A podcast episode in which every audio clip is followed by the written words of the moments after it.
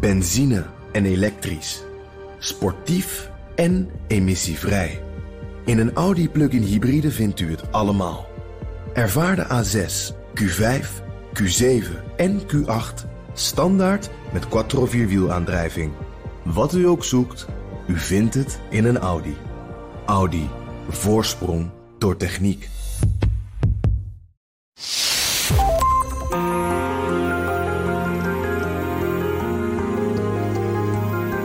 Je luistert naar De Stratege, een podcast van BNR in samenwerking met het Den Haag Centrum voor Strategische Studies. Mijn naam is Paul van Liemt. Amerika, Europa en China zijn de grote machtsblokken van dit moment. Maar wat te denken van Rusland als kernmacht en opkomende landen zoals India? Duidelijk is dat we tegenwoordig in een multipolaire wereld leven. Maar hoe verhouden al die machtsblokken zich tot elkaar? Dat besprak ik vorige week met Mathieu Serres, hoogleraar hedendaagse Europese geschiedenis en Europese integratie aan de Universiteit Maastricht. En René Jones-Bos, voormalig ambassadeur in Rusland en de Verenigde Staten. Er is ook, en dat is heel fundamenteel, achterstallig onderhoud in het denken. Hm. We zijn hier qua denkkracht en vermogen dus om over deze toekomstscenario's strategisch na te denken, echt niet voorbereid. En dat moet in hoog tempo veranderen. Daar heeft Europa natuurlijk in principe de resources voor qua opleidingen en, en, en potentiële uh, toeleveranciers van al deze kennis. Maar het is wel echt in de mottenballen. En dat moet er met, in, in hoog tempo uit. En, en daar moet in geïnvesteerd worden. En daar hoort de opdracht bij dat Europa ook over zichzelf. Dus niet alleen in relatie tot uh, de VS. En dat ben ik in zekere zin altijd met Macron eens. Je moet ook over zichzelf in deze uh, nieuwe wereld uh, nadenken. en ja, daar hoort dus ook een soort van idee bij. Wat wil Europa in deze wereld zijn? En een van de grote thema's die wij nooit zo behandeld hebben, maar die we nu echt zo moeten behandelen, en een paar doen dat al, zoals Ursula von der Leyen, is uitbreiding uitbreiding is potentieel een enorm geopolitiek instrument. Maar wij hebben het altijd alleen maar economisch uitgelegd. Uh, dat ben ik helemaal eens met Mathieu. Het ging over de interne markt. Het ging over allerlei uh, uitbreidingsmechanismen. En dan ging het over, kunnen we dat wel aan? Zijn ze arm of zijn ze rijk? En hoe ver loopt wat is hun BNP? Denken werd en, zelfs weggehoond als je erover begon. Ja, en het was altijd over ons eigen, dus binnen Europa, met die paar landen die er dan bij, wel al dan niet bij moesten of mochten komen. En dan heb je de rest van de wereld, waar we echt nog niet goed genoeg over nagedacht hebben, behalve mechanistisch in de zin van ontwikkelingssamenwerking. Ja, heel transactioneel. Transactioneel. dus voor wat hoort, wat, en dit, is, dit gaat om strategie. Dat is hm. echt iets anders. Mathieu Segers en René Jones Bos zijn nu ook mijn gasten, want we gaan luisteraarsvragen beantwoorden. En we beginnen met de eerste. Die is van Barry. Hij zegt: Nu China zich voor het eerst openbaar roert in de buitenlandse politiek, wapenlevering wel of niet aan Rusland, Rusland in zijn recht zetten voor de invasie, McCartney waarschuwen niet zijn gezicht te laten zien in Taiwan, en zo gaat hij nog een tijdje door. Kan China zich wel een grote oorlog permitteren? Wat is een oorlog? Hè? Uh, is dat meteen een invasie van een ander land? Uh, Kijk, ik denk dat China heeft zich enorm ontwikkeld over de afgelopen decennia. Uh, wij hebben daar ook aan meegewerkt, want wij geloofden lange tijd in de jaren 90, 0, 10, hè, dat die integratie, die samenwerking, ook economische samenwerking, dat dat zou leiden tot eenzelfde manier van denken over democratie, over de wereldorde als wij. En wat je eigenlijk ziet, en dat toen ik in, in Washington zat, zag je dat aan het eind van de Obama-tijd. En Trump heeft dat natuurlijk ook weer heel hard neergezet, dat China anders denkt. En Xi heeft dat denk ik heel duidelijk gemaakt.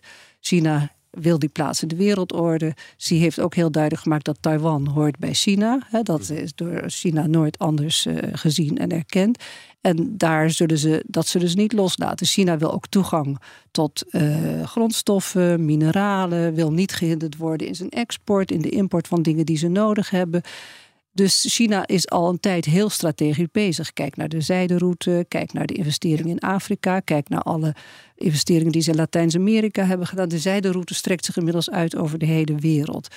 Moet je daarvoor ten oorlog trekken? Uiteindelijk Taiwan wel, denk ik. Dat zal niet zonder slag of stoot gaan. Ik denk dat de Chinezen heel strategisch zijn en kijken wat een goed moment is om dat te doen. Er zijn sommige mensen die zeggen nu Amerika het zo druk heeft met Oekraïne, is dit misschien een goed moment. Want kunnen de Amerikanen op twee fronten tegelijk wapens leveren, steun leveren, et cetera? Vorige week bespraken we dat China juist nog nooit, en dat daar ook graag van houdt om dat te kunnen blijven nog nooit een aanvallende oorlog is begonnen. Nee, hè, dus in die zin zouden ze ook kunnen denken, nou, we, we, we gaan zo nog even door. Uh, we, we breiden onze partnerschap en onze investeringen nog verder uit. We bouwen onze economie nog verder op. We bouwen het Chinese volksleger nog verder op. Dus ik, ik ik heb het gevoel dat de Chinezen nooit zoveel haast hebben en beter zijn in strategic patience, in strategisch geduld. Ja, dat laatste speel. Dus dat betekent uh, een oorlog zich permitteren, daar gaat het niet over. Dat zouden ze dus wel kunnen. Maar even in theorie, hè, los van, van al, deze bezwaren, zou dat, uh, Mathieu, in theorie dus wel kunnen? Dat zou China kan het zich permitteren, heeft de macht en de kracht om het te doen. Ja, er zijn twee uh, theoretische uitgangspunten die zij zelf expliciet maken, die daar, die daar toch een beetje tegenin gaan. Het ene is inderdaad dat ze dat mm, net gezegd, dat zij zich erop laten voorstaan dat zij nooit een aanvalsoorlog begonnen zijn. Ja. Het tweede is, en dat is wel belangrijk voor de wereldorde ook, dat het enige land is, de enige nucleaire macht die officieel een doctrine heeft dat ze het nucleaire wapen nooit als eerste zullen gebruiken. Uh, dat is ook een soort van matiging, zal ik maar zeggen, in de richting van oorlog die ze zichzelf uh, opleggen. Um, dat zijn twee remmen, zou je kunnen zeggen. Daar staat tegenover, en, Taiwan is het cruciale punt, dat zij over Taiwan zeggen: uh, wij zijn tegen schending van territoriale integriteit. En Taiwan zien wij als een schending van onze territoriale integriteit. dus da daar, daar zou een correctie uh, gerechtvaardigd zijn zonder dat je daar het woord oorlog uh, op zou plakken in de Chinese logica. Ja, dat is maar goed. Dat is natuurlijk wat de Russen dan ook doen. En dan kunnen ze er ook nee, een andere termen Maar dat is niet helemaal vergelijkbaar. Want de Russen hebben in de tijd erkend dat Oekraïne een onafhankelijke staat was. Het is het Budapest Memorandum waar Oekraïne zijn nucleaire wapens heeft ingeleverd in ruil voor erkenning en bescherming van de grenzen. Dus dat, is zeg maar volkenrechtelijk denk ik toch een andere situatie dan China die nooit de onafhankelijkheid van Taiwan heeft erkend. En nee, dat is heel goed om dat inderdaad erbij te zeggen. Want dat is een, een cruciaal verschil. Maar dat betekent dus wel dat China wel degelijk inderdaad uh, Taiwan kan, uh, kan binnenvallen. Gewoon oorlog kan voeren en het niet zo kan noemen. Omdat ze het volkenrechtelijk nooit gedaan hebben. Ja, ja precies. Ja. en zij zullen dat dus ook nooit zien als het schenden van grenzen. want het, het hoort bij. En Taiwan heeft precies wat Mathieu zegt. Het is een omgekeerde redenering. Ja, en ze zullen het dus ook niet zien als oorlog.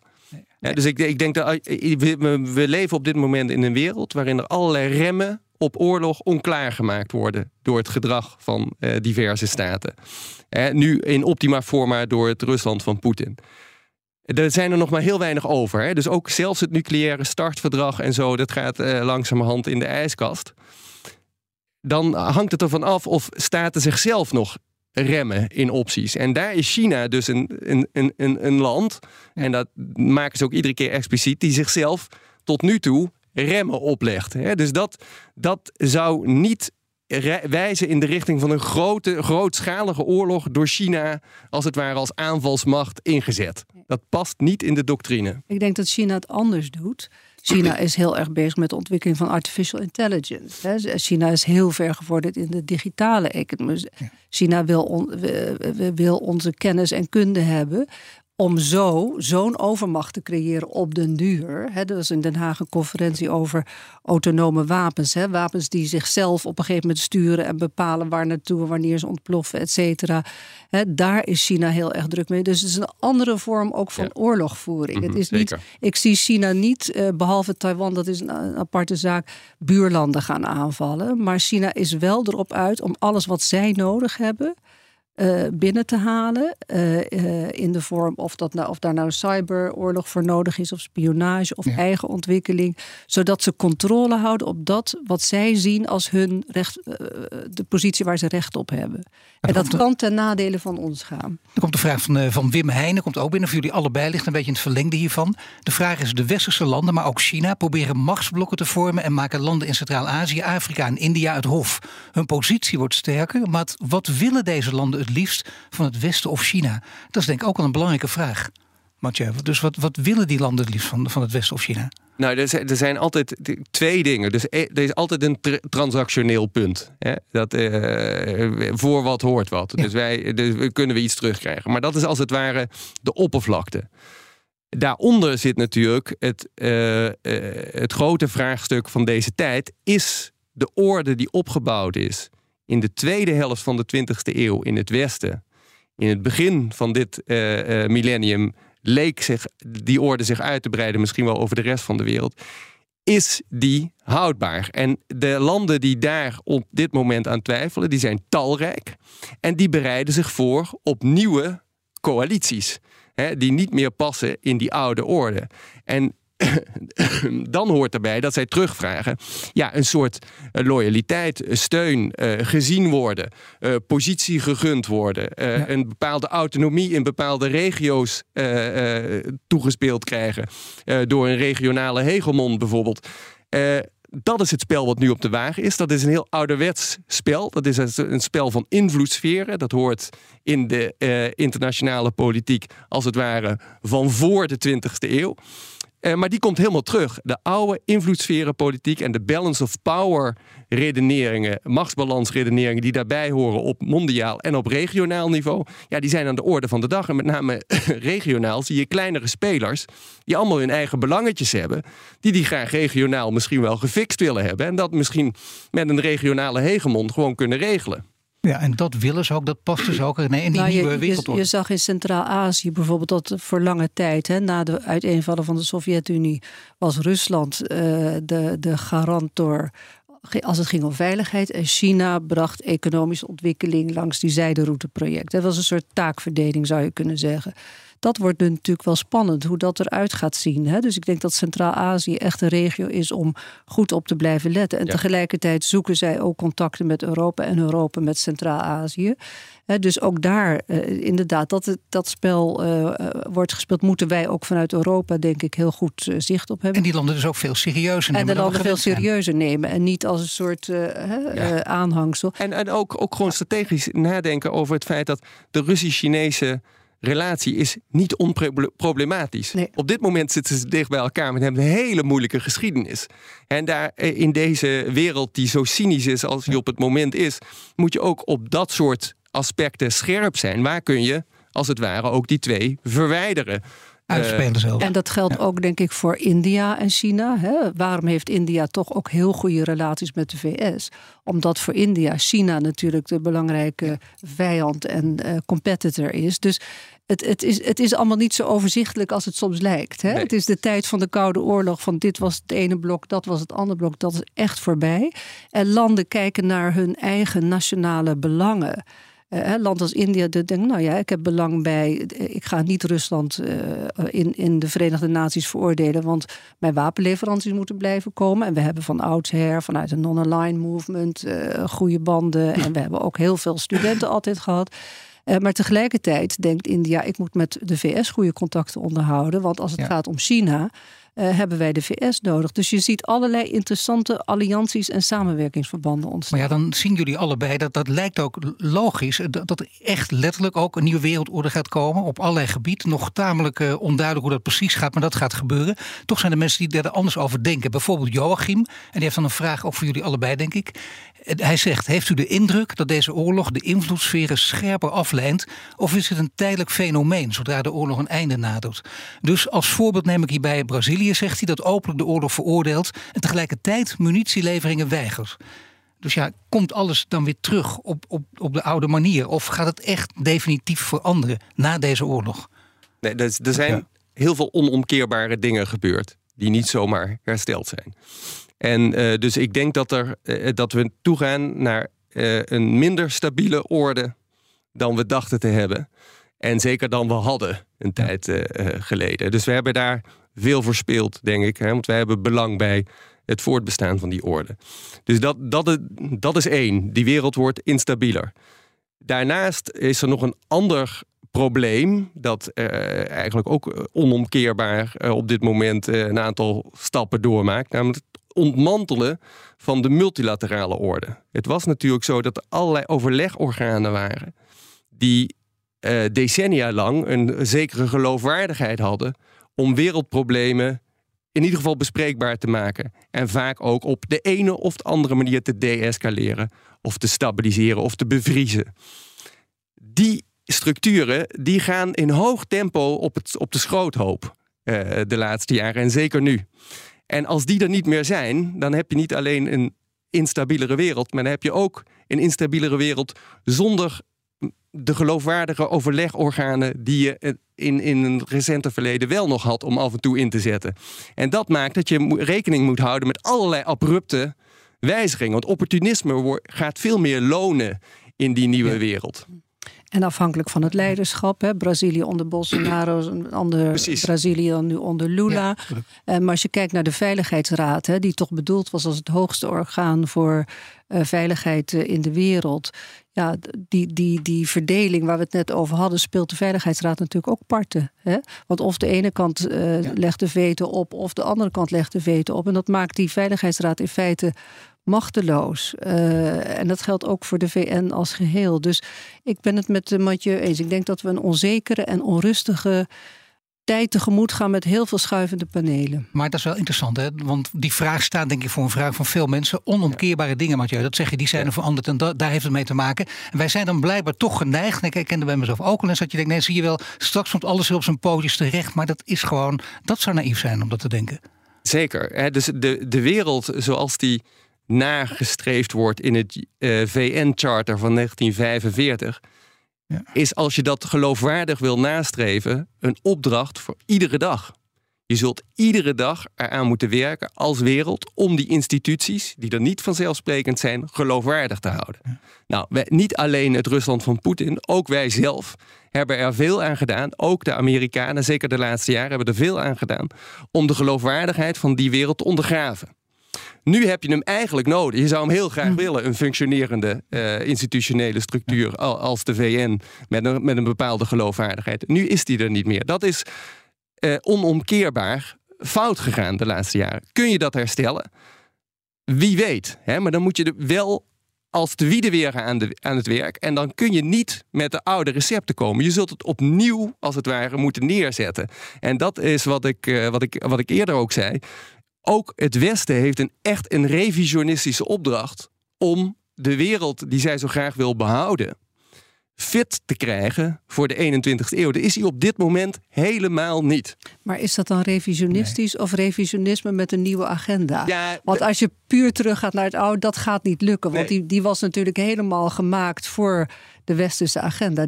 Maar we werken daar wel nog mee. Hè? Dus ja. dat, dat, dat is ook wat je hoort uit niet, niet alleen uit China en Rusland, maar ook uit Brazilië, als het ware. Deze agenda is een wereld van gisteren. Daar willen wij helemaal niet mee werken. En dat, dat bedoel ik. Wij moeten zelf ook vernieuwen. En we hebben natuurlijk heel lang in het comfort uh, onszelf gepraat. Van mm. we kunnen tot in lengte van dagen doorgaan met die afspraken uit 1945. Terwijl dat de, de tekenen dat de geloofwaardigheid van die orde aan het afbrokkelen was, die zijn er natuurlijk al een tijd. Nou ja, bijvoorbeeld de Veiligheidsraad. We praten geloof ik al 25 jaar over nieuwe samenstelling van de Veiligheidsraad. Ja, het is natuurlijk heel gek dat een land als India met meer dan een miljard inwoners geen uh, lid is, permanent lid is van de Veiligheidsraad. Over dat soort dingen gaat het. En daar zal dus ook Europa bijvoorbeeld moeten inleveren. Dus er zijn wel eens initiatieven geweest voor een gezamenlijke zetel, bijvoorbeeld.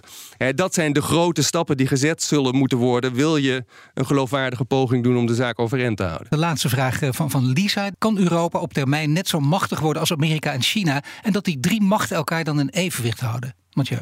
Ja, een, een, een driemachtenorde is in de geschiedenis van de internationale betrekkingen nog nooit stabiel geweest. Hè? Dus uh, bipolariteit, uh, dat heeft een zekere stabiliteit in zich vanwege de voorspelbaarheid en de overzichtelijkheid. En ook de oversimplificatie van de werkelijkheid die daarmee mogelijk is. Drie polen is heel veel moeilijker, want dan heb je altijd twee tegen één. Uh, dus uh, dat, dat, de geschiedenis wijst eigenlijk uit dat dat niet kan.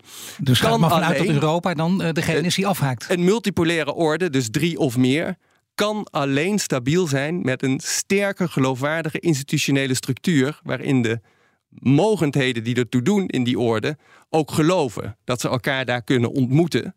om met elkaar te overleggen wat de opties zijn, zonder meteen met elkaar in conflict uh, te, ra te, raken. Maar wat zou Europa dan het beste kunnen doen? Want als je dit zegt, kijk de geschiedenis door. Je, je moet niet e-, even sterk willen zijn als de anderen. Dat werkt niet. Laat het over aan Amerika en China en wij gaan een hele aparte rol vervullen. Is dat er dan? Daar, daar, zou, je, daar zou je over na kunnen denken. Ik denk dat uh, het, het, overlaten aan Amerika en China klinkt heel simpel, maar dat is natuurlijk niet zo. Het Westen wordt als één blok gezien ja. door de rest van de wereld. Daar ligt ook een verantwoordelijkheid voor ons als Europa. Dus we moeten altijd schipperen tussen een soort autonome positie. De ene kant, die Europa goed op bepaalde punten kan invullen.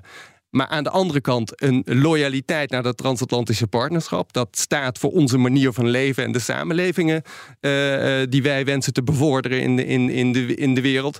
Uh, dus zo simpel ligt dat niet. Maar voor Europa is het wel in die zin een, een, een cruciale periode. Dat moet blijken of wij überhaupt een zelfstandige speler kunnen zijn in een multipolaire orde. Überhaupt. Ja, dus dat we ons niet laten opslokken in ieder geval door de Amerikanen. Ja, weet je, de Amerikanen zijn niet eens het grootste probleem, als ik het zo mag. Want ik ben het met Mathieu eens. Die Amerikaanse paraplu heeft ons natuurlijk veel goeds gebracht. Hè, na de Tweede Wereldoorlog, in die, wat was het, 70 jaar daarna. Tuurlijk. En als je kijkt naar maatschappijen, leiderschap is één ding, maatschappij is wat anders. Ik denk dat een heleboel Russen zouden zijn die graag in een soort, uh, het zij Europese of Amerikaanse manier van leven zouden. Met persoonlijke vrijheid, met vrijheid van meningsuiting, met uh, een, een, een rule of law, met een rechtsstaat, met een rechter waar je naartoe kan die eerlijk uh, recht spreekt. Dus al die dingen die wij verworven hebben, die zijn heel waardevol vanuit het individuele perspectief. En ik denk dat er ook veel burgers in veel landen zijn die dat graag in hun eigen land zouden willen. Maar je hebt de burgers en je hebt de leiders. En je hebt processen die daar naartoe gaan. Dus. Uh, ik denk dat het is niet zo simpel te zeggen van wil je bij het ene blok of wil je bij het andere blok. En we hebben dus belang gehad en nog steeds bij uh, de VS. Wil niet zeggen dat we ons lokstok en barrel hoeven over te geven daaraan. Dat we onze eigen identiteit niet verder kunnen ontwikkelen. Maar bij Europa zal natuurlijk altijd het probleem blijven dat we nu 27 lidstaten zijn. En wellicht meer in de toekomst. en dat dat een ingewikkeld organisatiemodel is om heel snel strategisch besluiten te kunnen nemen, knopen door te kunnen. Aan maar in de andere geval kant, net als vorige week, want we zeiden goed nadenken over hm. waarde. Dat is belangrijk. Nou ja, je zou ook kunnen zeggen, misschien is dat juist wel een heel interessant model, waar niet één de basis is, maar waar er in overleg uh, met elkaar afspraken worden gemaakt. Ja. is ook een interessant model, misschien voor Latijns-Amerika, nou, voor Afrika. Dat is een, dat is een leuk hm. punt, uh, uh, René, want ik, ik, was jaren geleden op het hoogtepunt van de, van de financiële-economische crisis in de eurozone. bij een bijeenkomst met een hoge adviseur van de Chinese regering op het gebied van buitenlands beleid. Die was toen heel geïnteresseerd in hoe eh, Europa omging met die eurocrisis. En iedereen in die zaal dacht, waar is dit een grap? Maar het was uit alles duidelijk dat dit geen grappenmaker was, deze Chinees. en toen werd er gevraagd, waarom bent u hierin geïnteresseerd? Want uh, alles too little too late. En hij zei, nou zo zien jullie dat, maar dat is een Amerikaans frame. Wij vinden het heel indrukwekkend dat jullie onder zo'n druk iedere keer in staat zijn om geen grote beslissingen te nemen. Want in de heat of the moment neem je in Chinees perspectief vaak de verkeerde beslissing. Dus moet je de kracht hebben om juist niet te beslissen, non-decisie te nemen en uit te stellen totdat de zaak zich verder uitkristalliseert. En hij zei: Jullie hebben een systeem met democratieën waarin het je lukt om niet als een bok op de haverkist met allerlei waan van de dag beslissingen te komen. Dat vinden wij heel interessant. Hoe hebben jullie dat institutioneel geregeld? Dat, eh, dat vond ik een enorme eye-opener. Dat sluit heel erg aan bij wat jij nu zegt. Kijk, Europa moet ook leren nadenken over de eigen innerlijke kracht. Ja. Waar zit nou onze innerlijke kracht? Dat hebben wij helemaal niet in beeld. Nee, en we zijn geen VS. en dat zullen we op korte termijn ook niet worden. We willen geen China en geen Rusland worden. Want we hechten aan onze hè, de waarden en de, en de democratieën die we hebben opgebouwd.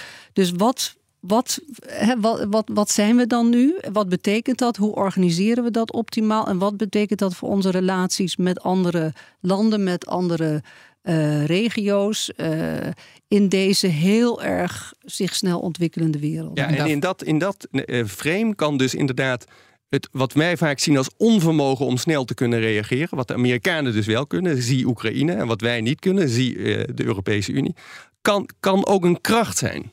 Nou, dat vind ik een heel mooi eh, sluitstuk, ook van deze aflevering. Ik dank jullie allebei hartelijk. René Jones-Bos, voormalig ambassadeur in Rusland en de Verenigde Staten. En Mathieu Segers, hoogleraar hedendaagse Europese geschiedenis en Europese integratie aan de Universiteit Maastricht.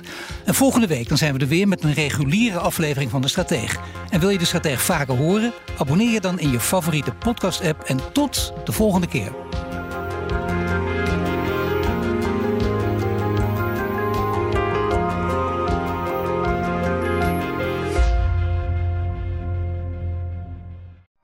Benzine en elektrisch, sportief en emissievrij. In een Audi plug-in hybride vindt u het allemaal. Ervaar de A6, Q5, Q7 en Q8 standaard met quattro vierwielaandrijving. Wat u ook zoekt, u vindt het in een Audi. Audi. Voorsprong door techniek.